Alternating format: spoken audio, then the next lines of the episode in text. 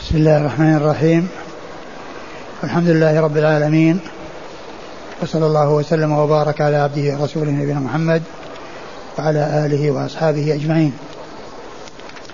أما بعد فالحديث السابع من الأحاديث الأربعين النووية عن أبي رقية تميم بن أوس الداري رضي الله عنه قال قال رسول الله صلى الله عليه وسلم الدين النصيحة. قالوا لمن يا رسول الله؟ قال لله ولكتابه ولرسوله ولأئمة المسلمين وعامتهم. رواه مسلم. هذا الحديث حديث عظيم وهو من جوامع كلم الرسول الكريم عليه أفضل الصلاة وأتم التسليم. وقد أخرجه مسلم في صحيحه ولم يخرجه البخاري وإنما ذكره في ترجمة باب على صيغة التعليق فقال باب قول النبي صلى الله عليه وسلم الدين النصيحة. قال لمن يا رسول الله؟ قال لله ولكتابه ولرسوله ولأئمة المسلمين وعامتهم. فذكر الحديث كله في ترجمة باب على صورة التعليق ولم يذكر يعني إسناده. ثم ذكر تحته حديث جرير بن عبد الله البجلي الذي في معناه في الجملة وهو قوله رضي الله عنه بايعت رسول الله صلى الله عليه وسلم على إقام الصلاة وإيتاء الزكاة والنصح لكل مسلم. ولم يورد البخاري الحديث مع في كتابه لأنه ليس على شرطه لأنه من رواية سهيل بن أبي صالح وسهيل لم يخرج له استقلالا. ولكن إراده إياه وذكره إياه بالتعليق ويدل على صلاحيته للاحتجاج ولكنه لم يذكره مسندا لأنه لم يكن على شرطه. والرسول صلى الله عليه وسلم قال فيها الدين النصيحة وقد جاء في مستخرج أبي عوانة قالها ثلاثا يعني كررها قال الدين النصيحة الدين النصيحة الدين النصيحة. وفي النسخة التي شرح عليها الحافظ بن رجب ذكر ثلاثا وهو ليس في صحيح مسلم لأن صحيح مسلم خالي من ذكر التكرار وإنما فيه أنه قال الدين النصيحة قالوا لمن يا رسول الله؟ قال لله ولكتابه ولرسوله ولأئمة المسلمين وعامتهم وقوله الدين النصيحة يعني هذه الجملة تدل على عظم شأن النصيحة والاهتمام بها وكأنها هي الدين وأن الدين محصور فيها وهذا يدل على عظم شأنها. وعلى ما جاء في رواية أبي عوانة في المستخرج على صحيح مسلم من أنه قالها ثلاثا يكون ذلك زيادة في التأكيد. يعني أولا التأكيد والاهتمام وبيان عظم شأن النصيحة كونه جاء بهذا اللفظ الدين النصيحة. وكأن الدين هو النصيحة. وذلك لشمولها وعمومها. فيكون ما جاء في مستخرج أبي عوانة من تكرارها ثلاثا أيضا زيادة في بيان الأهمية وعظيم شأنها. والحافظ بن رجب قال إن أنه يدخل تحت هذا هذه الجملة ما جاء في حديث جبريل من تفسير من تفسير الإسلام والإيمان والإحسان. وأنها كلها لأن النبي صلى الله عليه وسلم قال في آخرها هذا جبريل أتاكم يعلمكم دينكم. قال في آخر الحديث هذا جبريل أتاكم يعلمكم دينكم. فسماها دينا. والنبي صلى الله عليه وسلم قال الدين النصيحة. إذا ما جاء في حديث جبريل يكون داخلا تحت هذه الجملة. يكون داخلا تحت هذه الجملة. ونظير ذلك ومعنى أن الدين النصيحة أي أن يعني عماد الدين وأساس الدين إن إنما هو النصيحة وذلك لشمولها لتلك الأمور التي أخبر بها رسول الله عليه الصلاة والسلام. فيدخل في الإيمان بالله عز وجل كل ما يتعلق يعني بالإيمان وكل ما يتعلق بالشهادتين وكل ما يتعلق بما أوجبه الله عز وجل فهي كلمة عامة وجامعة من أجمع الكلام ونظيرها قوله صلى الله عليه وسلم الحج عرفة. الحج عرفة مبينا أهمية الوقوف بعرفة وأنه هو الركن الأعظم في الحج وذلك أن الحج يفوت بفواته. الوقوف بعرفة إذا فات الإنسان فاته الحج ولو جاء من أقطار بعيدة ولو تعب ولو خسر ما خسر إذا طلع الفجر من ليلة عيد ليلة النحر فإن الوقوف انتهى. والحج قد فات من وصل متأخرا عن هذا الوقت. ومن أدرك هذا الوقت فقد أدرك الوقوف. إذا الحج يعني ركنه الأعظم وأهم ركن فيه هو عرفة. ولهذا قال النبي صلى الله عليه وسلم الحج عرفة. يعني غيره بقية الأركان مثل الطواف والسعي يمكن تداركه. يمكن تداركه ولو بعد مدة طويلة. ولكن الوقوف بعرفة إذا فات خلاص ما في حج هذه السنة. الحج انتهى. لا مجال لأحد أن يحج وقد انتهى وقت الوقوف وقد خرج وقت الوقوف وهو طلوع الفجر من ليلة العيد. فهذا يعني يعني هذا هذا الحصر في قوله الحج عرفة يعني يدل على أهمية هذا الركن. وقوله الدين النصيحة يدل على أهمية النصيحة وعظيم شأنها وأن دين الإسلام هو النصيحة وذلك لشموله لكل النواحي التي آه، لكل ما يتعلق بالله عز وجل وما يتعلق بكتاب الله عز وجل وما يتعلق بالرسول صلى الله عليه وسلم وما يتعلق بأئمة المسلمين وولاتهم وما يتعلق بعامتهم وما يتعلق بعامتهم. وقيل إن النصيحة مأخوذة من من نصحت العسل إذا خلصته. يعني إذا صفيته ونقيته. من الشمع بأن يكون عسلا خالصا مصفى نقيا. وقيل إنه من النصح والنصح وهي الخياطة تكون بالمنصحة وهي الإبرة. وذلك أن الإبرة يعني يحصل بها لم آه، آه، أجزاء الثوب وأجزاء القماش حتى يكون ثوبا. وإذا حصل تمزق وتشقق ثم عمل أو خيط بالإبرة فإنه يضم بعضه إلى بعض. فكذلك النصيحة فيها لم الشعث وحصول الخير وحصول المطلوب في المنصوح. ومن حصل له النصح. فإذا قيل هي مأخوذة من تخليص العسل وتصفيته وتنقيته وقيل إنها مأخوذة من النصح وهو الخياطة والإبرة يقال لها منصحة. والإبرة يقال لها منصحة. وقيل التوبة النصوح وهي الخالصة الصادقة التي آه، يعني كأن الذنوب تمزق والتوبة تلم الشعث وتزيل يعني ذلك التمزق الذي حصل. بسبب الذنوب.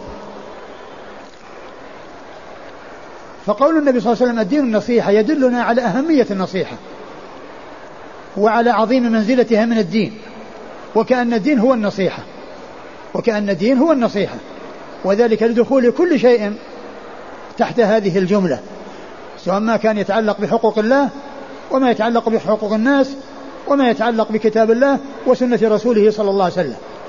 لأن كتاب الله وسنة رسوله آه، يتعلقان بالكتاب والرسول. النصيحة لله ولكتابه ولرسوله ولأئمة المسلمين وعامتهم. فهي تشمل ما بين العبد وبين ربه وما بين العبد وبين الناس. سواء كان هؤلاء الناس حاكمين أو محكومين. ولاة رعاة أو رعية. فهذا أو هذه الجملة تدل على هذا المعنى العظيم الذي هو عظيم أهمية النصيحة وأن منزلتها من الدين عظيمة وكأن الدين هو النصيحة وكأن الدين هو النصيحة. الرسول صلى الله عليه وسلم قال الدين النصيحة. بادر أصحاب رسول الله صلى الله عليه وسلم للسؤال لمن تكون النصيحة وهذا يدلنا على حرصهم على معرفة الحق والهدى وعلى معرفة السنن ومعرفة أحكام الدين وذلك بسؤالهم النبي الكريم عليه الصلاة والتسليم عن النصيحة تكون لمن؟ يعني حتى يقوموا بالتنفيذ وحتى يقوموا بالتطبيق للشيء الذي أظهر النبي صلى الله عليه وسلم عظيم شأنه بحصر الدين فيه وقصر الدين عليه وهو النصيحة. قالوا لمن يا رسول الله؟ فسؤالهم بقولهم لمن يا رسول الله؟ أي لمن تكون نصيحة يدلنا على عنايتهم وعلى حرصهم على معرفة الحق والهدى. وهذا هو شأنهم رضي الله عنهم وأرضاهم فإنهم الواسطة بين الناس وبين رسول الله صلى الله عليه وسلم. فكانوا حريصين على استيعاب ووعي ما يسمعونه من رسول الله عليه الصلاة والسلام. فيعنون في الفقه في الدين ومعرفة أحكام الشرع ليتعبدوا الله عز وجل هم بها ولينقلوها إلى غيرهم وهم أخص الناس بالدعاء الذي دعا به الرسول صلى الله عليه وسلم لمن أخذ سنته وحفظها وأداها إلى من بعده حيث قال نظر الله امرأة سمع مقالتي فوعاها. وأداها كما سمعها ورب مبلغ أو عام سامع ورب حامل فقه إلا من هو أفقه منه. فهم الذين ظفروا بذلك أشد من غيرهم لأنهم المباشرون لسماع ذلك من رسول الله صلى الله عليه وسلم حيث يكون من أقواله وهم المشاهدون لأفعاله ولحركاته وسكناته صلوات الله وسلامه وبركاته عليه ورضي الله تعالى عنهم وأرضاهم. ثم من كمال تأدبهم مع الرسول صلى الله عليه وسلم أنهم عندما سألوه خاطبوه بوصف الرسالة. فقالوا يا رسول الله لمن؟ لمن يا رسول الله؟ لمن تكون نصيحة يا رسول الله؟ فسؤالهم يدل على على حرصهم على معرفة الأحكام الشرعية والتفقه في الدين ونقل آه، آه، الحق والهدى عنه وإيصالها إلى الناس. ثم في الخطاب يعني هذا التأدب وهذا حسن الأدب مع النبي صلى الله عليه وسلم حيث يخاطبونه بوصف الرسالة. ولهذا يقول الحافظ بن حجر إن ذكر النبي صلى الله عليه وسلم بكنيته حسن وذكره بوصف الرسالة أحسن. يعني كونه إذا يعني ذكر الرسول صلى الله عليه وسلم يقول قال أبو القاسم صلى الله عليه وسلم بكنيته هذا حسن. ولكن ذكره بوصف الرسالة أحسن بأن يقول رسول الله. صلى الله عليه وسلم. فهم هنا يقولون لمن يا رسول الله؟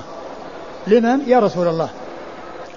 ثم إن قول النبي صلى الله عليه وسلم هذا الكلام الدين النصيحة يعني يجعل الصحابة رضي الله عنهم وأرضاهم يشعرون ويدركون الاهتمام بهذا الأمر. لأن ما دام جاء على هذا الوصف الذي هو الحصر ولهذا بادروا إلى السؤال. ومبادرتهم للسؤال مع وجود ال ال ال الكلام الذي يشعر بالأهمية ويدل على الأهمية يجعلهم يعني يستعدون ويحرصون على معرفة المواطن أو الجهات التي يكون النصيحة فيها أو تكون النصيحة فيها. فبادروا إلى السؤال رضي الله عنهم وأرضاهم فأجابهم النبي الكريم عليه أفضل الصلاة والتسليم. بالجواب وأنها لله ولكتابه ولرسوله ولأئمة المسلمين وعامته. ف وهذه النصيحة لله ولكتابه ولرسوله ولأئمة المسلمين وعامتهم هي في الحقيقة نصح للإنسان لنفسه. هي نصح لنفس الإنسان. لأن كونه يحافظ على النصيحة ويأتي بما هو مطلوب منه في هذه الأمور الخمسة معنى ذلك أن أن النصح إنما هو لنفسه لأن فائدة ذلك إنما ترجع إليه. وإنما تعود إليه. يعني فائدة ذلك ومصلحة ذلك إنما هي راجعة إليه. لأنه إذا نصح لله وللرسول صلى الله عليه وسلم وللكتاب ولأمة المسلمين وعامتهم هذا العمل إنما يعود على نفسه وترجع مصلحته وفائدته على نفسه. فهو في الحقيقة ناصح لنفسه. نصحه لله ولرسوله ولكتابه ولأمة المسلمين وعامتهم إنما هو راجع إلى نفسه وإلى نصح نفسه وأنه لا ناصح لنفسه حيث أتى بما يعود عليها بالخير وما يعود عليها بالسعادة في الدنيا والآخرة. والنصيحة لله عز وجل تكون بتوحيد الله عز وجل بربوبيته وألوهيته وأسمائه وصفاته والثناء عليه بما يليق بجلاله وعظمته سبحانه وتعالى. وتنزيهه عن كل نقص وأنه المتصف بكل كمال. وكذلك آآ آه، آآ آه، آآ عبادته على وفق ما جاء في كتاب الله وسنة رسوله صلى الله عليه وسلم عبادته وكذلك إثبات ما أثبت لنفسه وأثبته له رسوله صلى الله عليه وسلم من الأسماء والصفات على وجه يليق بكمال الله وجلاله. ثم الامتثال لما جاء عن الله سبحانه وتعالى من الأوامر فتفعل ومن النواهي فتجتنب ومن الأخبار فتصدق وأن تكون عبادة الله عز وجل مطابقة لما جاء به الرسول الكريم عليه أفضل الصلاة وأتم التسليم. ويدخل في ذلك الإيمان بالله الإيمان بالله وملائكته وكتبه ورسله واليوم الآخر وكل ذلك داخل في الإيمان بالله وتابع للإيمان بالله. ويدخل في ذلك أيضا آه الشهادتان وكل يعني آه ما هو مطلوب في الدين ولهذا كما عرفنا آه الرسول صلى الله عليه وسلم لما آه، جاء جبريل وسأل عن الإسلام والإيمان والإحسان وبين النبي صلى الله عليه وسلم ذلك بهذا بالجواب الذي أجاب به جبريل قال في الآخر هذا جبريل أتاكم يعلمكم دينكم أي أن هذه الأمور كلها داخلة تحت هذا الدين وداخلة تحت الإيمان بالله سبحانه وتعالى. النصح داخلة تحت النصح لله عز وجل. لله ولكتابه. والنصيحة لكتاب الله عز وجل تكون بتعظيمه وتوقيره واحترامه وتلاوته وتأمل ما فيه وتأمل معانيه والاعتبار بما فيه من العبر والعظات وامتثال أوامره واجتناب النواهي التي جاءت فيه وتصديق ما فيه من أخبار وأن واعتقاد بأنه كلام الله وأنه منزل منه, منه سبحانه وتعالى وأنه غير مخلوق وأن فيه الخير والسعادة لمن أخذ به وأن من تمسك به ظفر بسعادة الدنيا والآخرة ومن أعرض عنه خسر الدنيا والآخرة. فكل ذلك يتعلق وكذلك اعتقاد بأنه معجز وأنه في غاية الفصاحة والبلاغة وأن فصحاء العرب الذين هم مشهورون بالفصاحة والبلاغة لم يستطيعوا ولن يستطيعوا أن يأتوا بشيء من مثله.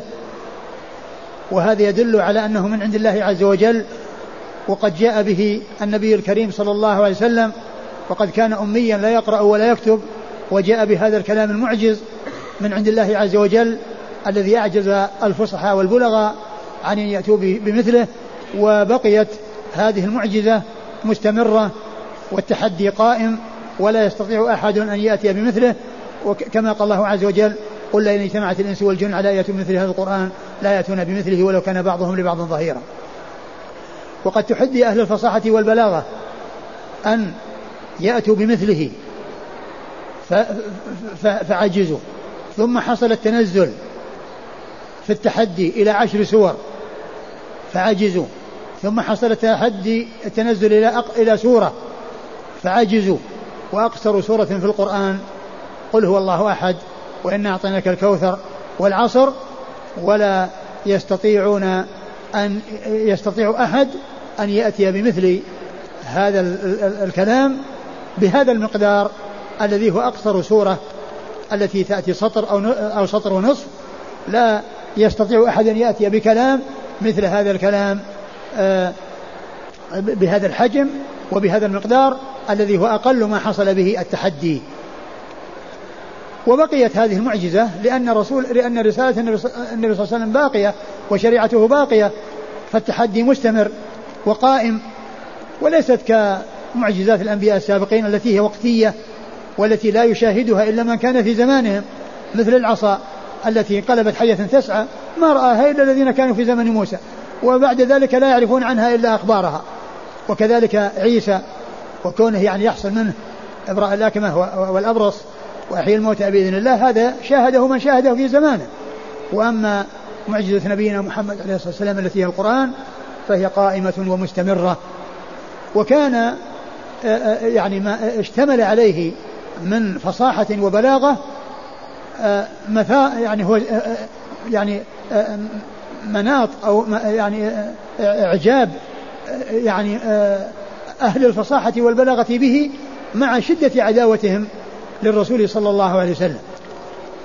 وكان جبير بن مطعم النوفلي رضي الله عنه قبل أن يسلم كان من سبب إسلامه أنه سمع النبي صلى الله عليه وسلم وهو في, حال كفره يقرأ بسورة الطور يصلي بالناس عند الكعبة فسمعه يقرأ قال ولم فلما جاء عند قول الله عز وجل أم خلقوا من غير شيء أم هم خالقون؟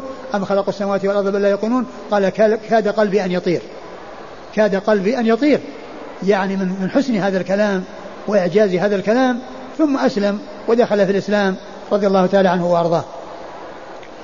ولرسوله صلى الله عليه وسلم النصيحة للرسول صلى الله عليه وسلم تكون بالإيمان به. وتعظيمه وتوقيره ومحبته محبة تفوق محبة النفس والوالدين والناس أجمعين. كما قال عليه الصلاة والسلام لا يؤمن أحدكم حتى أكون أحب إليه من والده وولده والناس أجمعين. وذلك أن النعمة التي ساقها الله للمسلمين على يديه وهي نعمة الإسلام هي أجل النعم وأعظمها فلا يماثلها نعمة ولا يدانيها نعمة. ولهذا كانت محبته على هذا الوجه الذي يجب أن يكون فوق محبة الوالدين والأقارب وسائر الناس لأن النعمة التي ساقها الله على يديه أعظم من أي نعمة تحصل للإنسان لأنها أجل النعم وأعظمها وهي كونه آه وهي الهداية للصراط المستقيم والدعوة ودعوتهم إلى إلى ما فيه خروج من الظلمات إلى النور هذه أجل النعم وهذه أعظم النعم. التي لا يماثلها نعمة ولا يساويها نعمة. وتكون أيضا بتصديقه في كل ما يخبر به من أمور غائبة سواء كانت ماضية أو مستقبلة أو موجودة ولكنها غير مشاهدة ولا معاينة. وكذلك امتثال أوامره واجتناب نواهيه وكذلك أن تكون عبادة الله عز وجل طبقا لشريعته عليه الصلاة والسلام. فيتابع النبي عليه الصلاة والسلام وتعمل الأعمال طبقا لما جاء به كما أنها تكون خالصة لله فتكون أيضا مطابقة لسنة رسول الله صلى الله عليه وسلم وهذان هما الشرطان الأساسيان في قبول كل عمل في, قبول كل عمل أن يكون لله خالصا وأن يكون لسنة نبيه محمد صلى الله عليه وسلم موافقا مطابقا وموافقا فإذا لا بد من تجريد الإخلاص لله وحده ولا, بد من تجريد المتابعة للرسول صلى الله عليه وسلم. ولهذا يقول شارح الطحاوية هنا توحيدان لا بد منهما توحيد الرسول وتوحيد المرسل. فتوحيد المرسل وهو الله سبحانه وتعالى يكون بعبادته وإخلاص العبادة له وتوحيد المرسل بالمتابعة. عليه الصلاة والسلام توحيد الرسول بالمتابعة. وهذان هما الشرطان توحيد الرسول وتوحيد المرسل الإخلاص والمتابعة. إخلاص العمل لله والمتابعة لرسول الله صلى الله عليه وسلم لأن العمل لا يكون مقبولا عند الله إلا إذا كان خالصا لله لا شركة لغيره فيه وأن يكون المتبع فيه رسوله الكريم عليه الصلاة والسلام. فلا يكون العمل مبنيا على بدع ومحدثات ومنكرات فإن إن فإنه إذا كان كذلك يكون مردودا على صاحبه كما مر في الحديث الخامس من الأربعين وهو حديث عائشة رضي الله عنها من أحدث في أمرنا ما ليس منه ورد وهذا لفظ متفق عليه كما عرفنا و وفي لفظ المسلم من عمل عملا ليس عليه أمرنا وهو رد. لله ولكتابه ولرسوله. وكذلك من النصح لرسوله صلى الله عليه وسلم النصح لسنته والنصح لما جاء به من الحق والهدى وذلك يكون بتعلمه والتفقه فيه ونشره وإذاعته وهداية الناس إليه ودعوتهم إليه وتبصيرهم به كما كما قال النبي الكريم عليه الصلاة والسلام من يريد الله به خيرا يفقهه في الدين. لأن هذا داخل تحت النصح للرسول صلى الله عليه وسلم. النصح لسنته وذلك بتعلمها ومعرفتها وبثها ونشرها والدعوة إليها والعمل على كل ما فيه تسهيل وصولها إلى الناس سواء عن طريق التدريس أو عن طريق الكتابة أو غير ذلك من أي الوسائل التي توصل يعني هذا الحق إلى الناس. ثم قال ولأئمة المسلمين وعامتهم لأن المسلمون رعاة ورعية رعاة ورعية ولاة ومولى عليهم فالولاة يكون النصح لهم بالسمع والطاعة لهم بالمعروف ويكون بدلالتهم على الخير والتعاون معهم على البر والتقوى وإرشادهم إلى آه إلى ما ينبغي إرشادهم إليه مما يحسن تنبيههم عليه ولفت أنظارهم إليه وكذلك الدعاء لهم و آه آه ترك الخروج عليهم ولو حصل منهم الجور. وكذلك تعليم الناس وتوجيههم إلى السنة الدالة على أنه يجب وأنه يتعين مناصحة الولاة والدعاء لهم وأن لا يخرج الإنسان عليهم وأن لا يؤلب الناس عليهم وأن لا يأتي بالأمور التي آه، تهيج الناس عليهم وتفسد قلوبهم عليهم وإنما يسعى لجمع القلوب عليهم والدعاء لهم وعدم الدعاء عليهم وهذا هو آه، شأن آه، أو هذه طريقة أهل السنة والجماعة. ولهذا جاء الإمام أحمد رحمة الله عليه وعن الفضيل بن عياض رحمه الله أن, أن كل منهما قال لو كان لي دعوة مستجابة لجعلتها في السلطان. لو كان لي دعوة مستجابة لجعلتها في السلطان لأن السلطان إذا صلح يحصل بصلاحه الخير الكثير وإذا فسد يحصل بفساده الشر الكثير. لأنه بصلاحه يكون أمر الدين وإظهار الشرع وقمع الفساد وقمع أهل الفساد و آه، آه، آه، إقامة حدود الله وإقامة شرع الله والإحسان إلى الناس ووصول الخير لهم لأن كل ذلك يحصل بصلاح بصلاح الولاة. فيدعو لهم بالصلاح والتوفيق والتسديد وأن يمكن وأن يوفقهم الله عز وجل لكل ما فيه رفعة الإسلام وإعلاء شأن المسلمين. كل هذا من الأمور التي تجب للولاة على الرعية. والنصح لعامة المسلمين وهم الرعية يكون ذلك بإرشادهم وتعليمهم وأمرهم معروف ونهي عن المنكر ودلالتهم على الخير. وأن يحب الإنسان لنفسه لهم ما يحب لنفسه. ويكره لهم ما يكره لها كما قال عليه الصلاة والسلام آآ آآ لا يؤمن أحدكم حتى يحب لأخيه ما يحب لنفسه. وقال عليه الصلاة والسلام من أحب أن يزحزح عن النار ويدخل الجنة فلتأتيه منيته وهو يؤمن بالله واليوم الآخر وليأتي إلى الناس الذي يحب أن يؤتى إليه. يعني أنه يعامل الناس بمثل ما يحب أن يعامله به.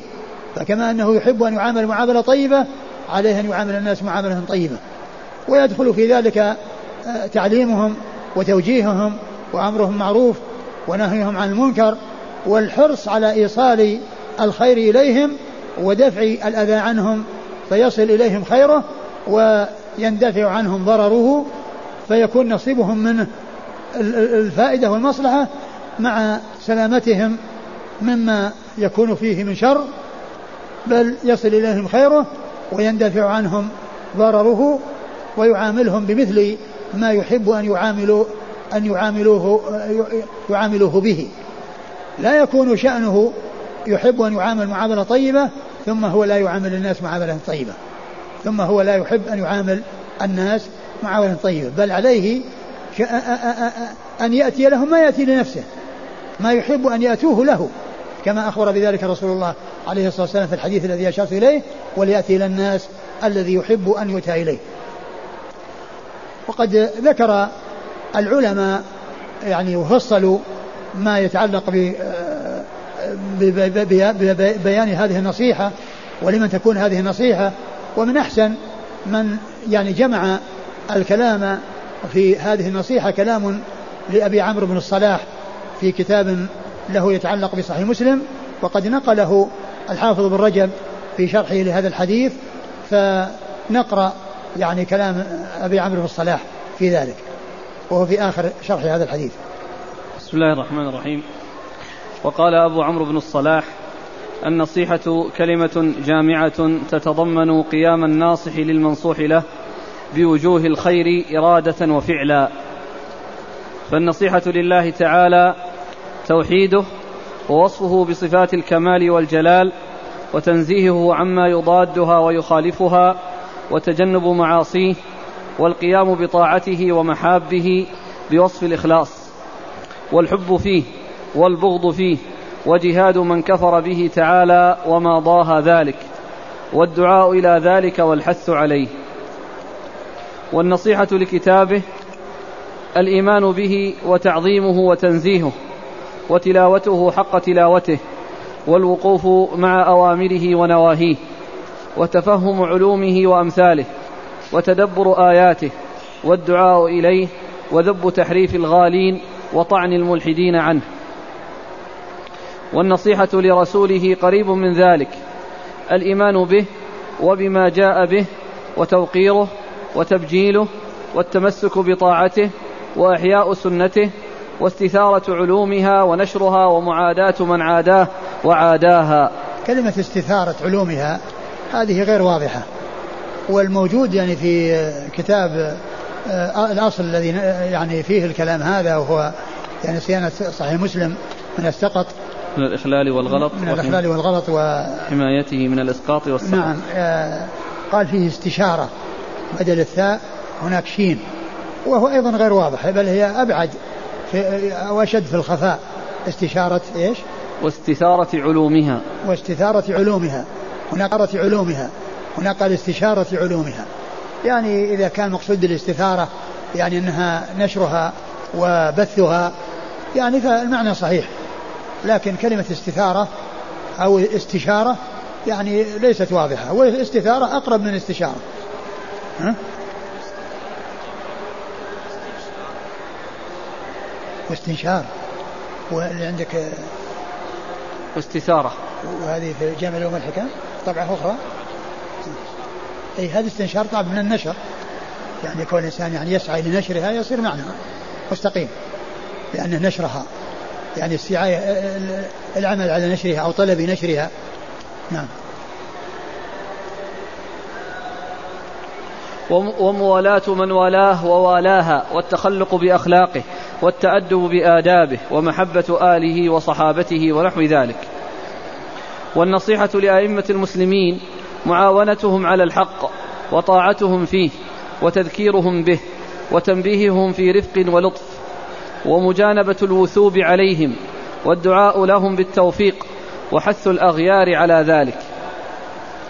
والنصيحة لعامة المسلمين كلمة الأغيار هذه يعني ما هو واضح معناها. ما أدري هل الأغيار الغير يعني جمع غير يعني يعني حث غيره يعني على ذلك ما أدري يعني كلمة الأغيار هذه يعني فيها يعني فيها شيء من الخفاء نعم. والنصيحة لعامة المسلمين إرشادهم إلى مصالحهم وتعليمهم أمور دينهم ودنياهم وستر عوراتهم وسد خلاتهم ونصرتهم على أعدائهم والذب عنهم ومجانبة الغش والحسد لهم وأن يحب لهم ما يحب لنفسه ويكره لهم ما يكرهه لنفسه وما شابه ذلك. انتهى ما ذكره. يعني هذا كلام مختصر ويعني واضح في بيان يعني هذه الأمور الخمسة والعلماء ذكروا تكلموا فيها وبألفاظ يعني متقاربة كما هو معلوم يعني كلها ألفاظ وعبارات تدور يعني في شيء واحد وتتعلق بشيء واحد اختلفت العبارات والمعنى واحد. ولكن هذا الكلام الذي نقله الحافظ بن رجب هو يعني من من من من أخصر ومن أجمع ما يتعلق ببيان هذه الأمور الخمسة التي آه، اشتمل عليها حديث أبي رقية تميم بن أوس الداري رضي الله تعالى عنه. وأنا ذكرت يعني في كتاب آه، قطف الجنداني فيما يتعلق بطاعة ولاة الأمور وقد ذكر ذلك ابن أبي زيد في جملة مسائل العقيدة فأنا نقلت نقولا عديدة عن العلماء تتعلق بالنصح للولاة وبما يتعلق بالولاة يعني من من النصيحة لهم وأن السنة جاءت يعني بذلك في أحاديث يعني عديدة. ومن بينها هذا الحديث الذي هو حديث أبي رقية تميم بن أوس الداري رضي الله تعالى عنه. نعم يعني إحنا قلنا ان أن من النصح للرسول صلى الله عليه وسلم النصح لسنته. وذلك ب يعني بتعظيمها وتعلمها وتعليمها ونشرها ودعوة الناس إليها وتفقيههم فيها. كل هذا من هذا داخل تحت النصح للرسول صلى الله عليه وسلم. لأن الرسول عليه الصلاة والسلام بعث الله بالحق والهدى والعناية بالحق والهدى الذي جاء به هو من النصح له صلى الله عليه وسلم. لأن الله تعالى بعثه لإخراج الناس من الظلمات إلى النور وتبصيرهم بالطرق الطريق الذي يوصل إليه. كما قال الله عز وجل أن هذا صراط مستقيم فاتبعوه ولا تتبعوا السبل. فتفرق بكم عن سبيله. ذلكم وصاكم به لعلكم تتقون. فمن النصح له النصح لسنته وسنته هي هي الأحاديث والآثار المروية عنه عليه الصلاة والسلام فهي التي يجب تعظيمها ويجب الحرص عليها وإشاعتها و حث الناس على على على تعلمها وتعليمها والتفقه فيها والعمل بها لأن هذا هو المقصود من الرسالة. لأن المقصود من الرسالة العلم والعمل. كل إنسان يعلم الحق ويعمل به. كما قال الله عز وجل والعصر إن الإنسان لفي خسر إلا الذين آمنوا وعملوا الصالحات وتواصوا بالحق وتواصوا بالصبر. والله تعالى أعلم وصلى الله وسلم وبارك على عبده نبينا محمد وعلى آله وأصحابه أجمعين. جزاكم الله خيرا وبارك الله فيكم ونفعنا الله ما قلت.